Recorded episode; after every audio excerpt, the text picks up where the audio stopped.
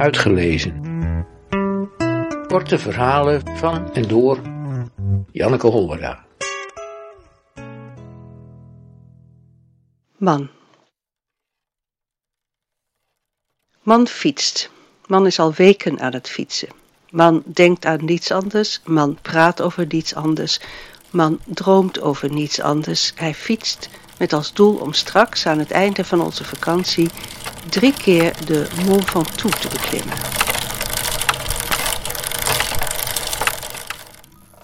Is één keer niet genoeg, vraag ik. Nee, dat heeft hij al eens gedaan. Twee keer dan? Zou kunnen, we zien wel. Standaard uitdrukking om van mijn gezeur af te zijn. Na onze vakantie in Midden-Frankrijk laat hij zijn tas met racepakjes, zijn hartslagmeter, zijn racefiets met reservebanden, pompje, plak, Strava, etc. in de auto en rijdt naar Zuid-Frankrijk, waar zijn fietsclub een huis met zwembad heeft gehuurd. Ik neem met mijn koffertje de trein naar Parijs, Rotterdam, Groningen. Ik verheug me op een weekje zonder wielrennende man. Maar elke dag belt hij. Hij belt om me te vertellen hoe hij de Mont Ventoux op is geklommen. Hoe hard of langzaam hij ging. Hoe de weg liep. Hoeveel hoogtemeters. Hoeveel procent. Hoeveel zon en hoe weinig schaduw. Wat hij onderweg op de fiets at en hoe dat viel.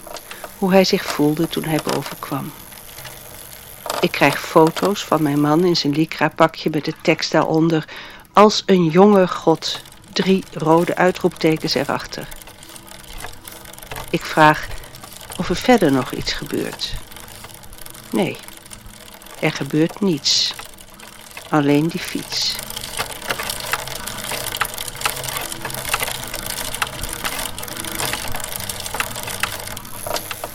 Na vier dagen en drie beklimmingen stel ik voor dat hij eens aan de andere mannen van zijn fietsclub vraagt hoe hun vrouwen op al die fietsverhalen reageren.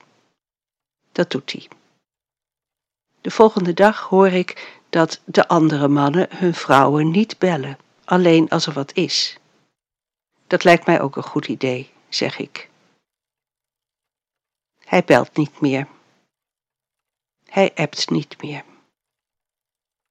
Hoe zou het gaan, denk ik.